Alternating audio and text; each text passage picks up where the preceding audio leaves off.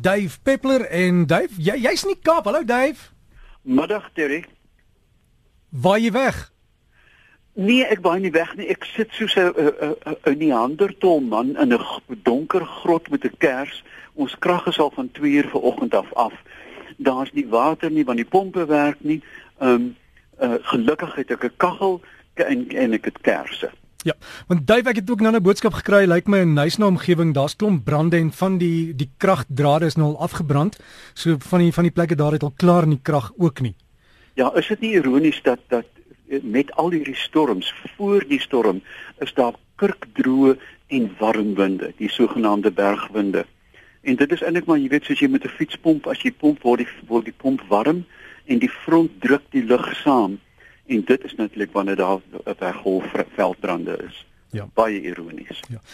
Dave, ek het 'n interessante vraag gekry van Elsa in Brits. Sy sê ek moet vir jou vra dat hulle het hulle kat, hulle mannetjies kat laat regmaak en hy het nou begin vet word. Hoekom gebeur dit met diere? Ja, kyk, ehm um, daar's 'n wonderlike storie van ehm um, 'n hond in Amerika wat so by die venster van die motor uitkyk en hy sê vir die hond op die sypaadjie, "Guess what? I'm going to be tutored. Ehm um, nou ja, as jy uh, diere verkeerd maak, uh, gaan die hormoonstelsel uiteraard op galop. Uh, mannetjies katte of manlike diere se liggaamsbou word gewoonlik bepaal deur die hormoon testosteron en by vrouens is dit natuurlik 'n ander uh, groot aantal hormone. Beide mans en vrouens het natuurlik ook uh, manlike en vroulike hormone, maar hoofsaaklik die testis skuif skei testosteron. Dit gee vir jou 'n diep stem en gee vir jou ook spiermassa.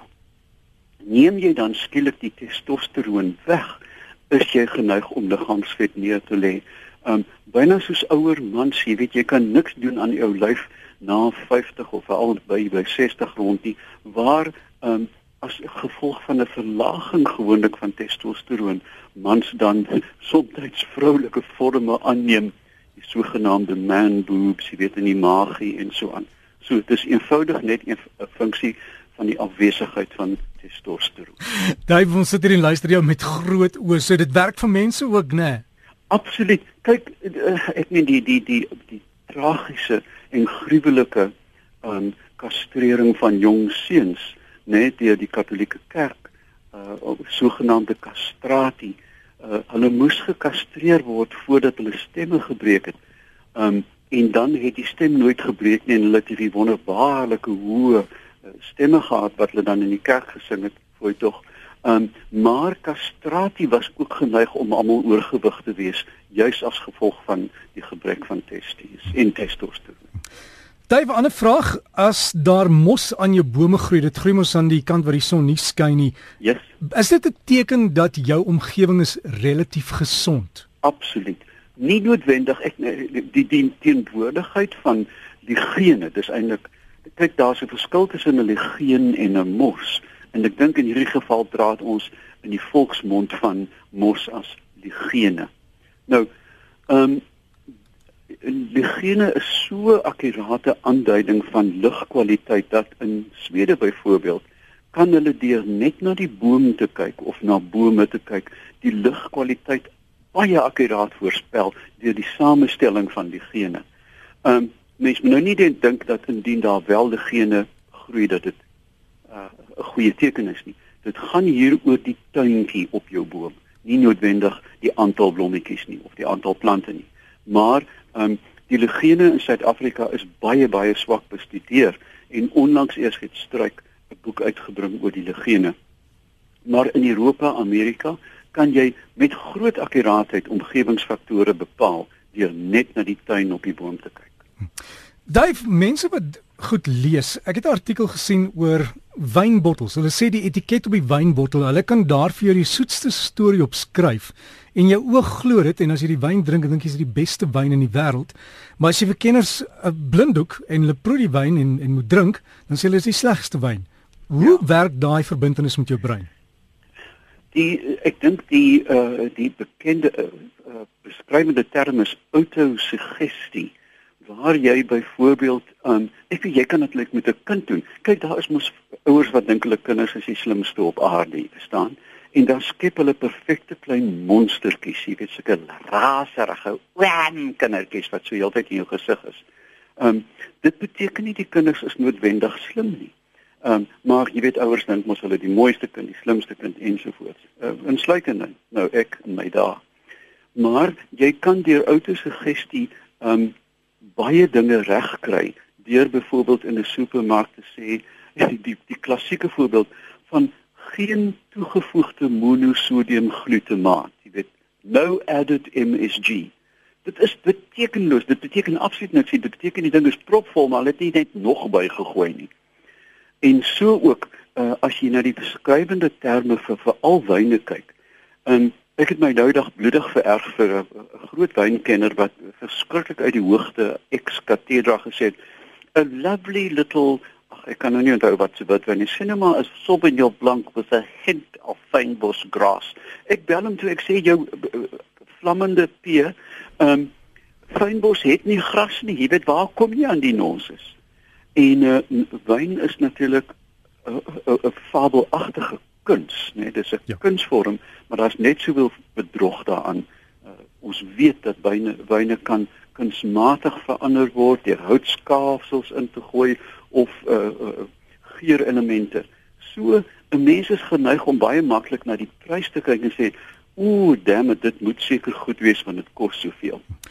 Maar ja. dan as jy dit blind proe, dan is dit totaal aan. So dis autosuggestie. Dit word voorgestel oor en oor en jy glo dit na.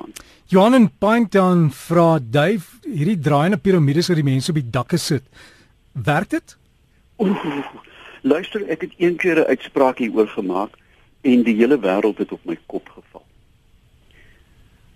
Sover ek die wetenskaplike literatuur beskou. Luister nou baie mooi direk want eh, het ek nog nie klinkklare bewys gekry dat dit wel werk nie.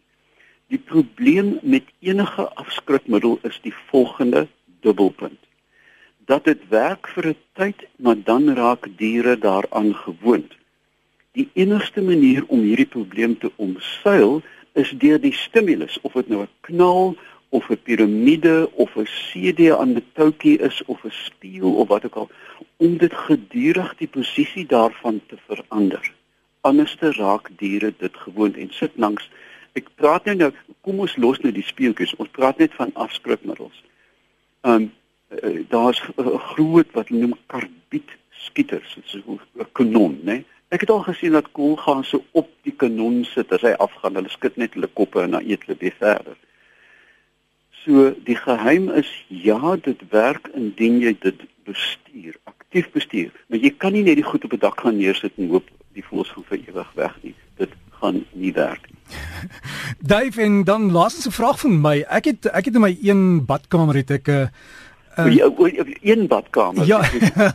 ja, Dave, maar daar's weet jy, iemand nie baie gebruik word nie en daar's Ah, okay. Daar's 'n daar's 'n familie skerpioen wel skerpioen familietjie. Hulle is hier klein skerpioentjies wat in die aand in die bad kom en ek weet nie hoe kom hulle daar nie. Ek het al uitgegooi en kom hulle terug. Maar nou het 'n spinnekop hulle al drie gevang en opgeëet. Ek sal by die spinnekop 'n reuse medalje gee. Ehm um, is dit 'n groterige spinnekop? Ja, dis daai daddy long legs. Genade, Derek nie. Ek kyk natuurlik huise ehm um, bevat 'n hele aantal organismes wat bekend staan as komensele diere. Die kokkerot, die huismuis, die uh, kleeremot, uh, die daddy longlegs ensovoorts. Omdat dit so 'n stabiele omgewing is, lekker warm, daar's altyd water. So 'n mens moet aanvaar dat jy altyd diere geniet. Maar skorpioene, ek is nie anders so seker nie. Kyk, daar is nie skorpioene wat totaal onskadelik is nie. Natuurlik, jy weet jy gaan nie dood van die steek nie, maar damn it, dit brand.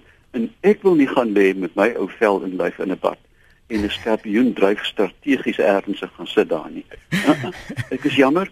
Um, ek sou vir die spinnekop 'n medalje gee, maar verder gelukkig hulle uitsmyt en ook nie naby nie vir verkieslik in jou bure se erf dat hulle hulle kan gaan pla. Ja, Dave, jy weet anders as jy in daai bad is dan gaan jou stem ook so hoog raak, né? Nee? Dave, alles van die Wes, waar kan mense jou kontak? Ehm um, ja, kyk uh, die die gewone uh, trefpunt is my Facebookblad, davepeppler.co.za. Dave, alles van die beste en sterkte daar in die Kaap. Hoop jou krag kom aan.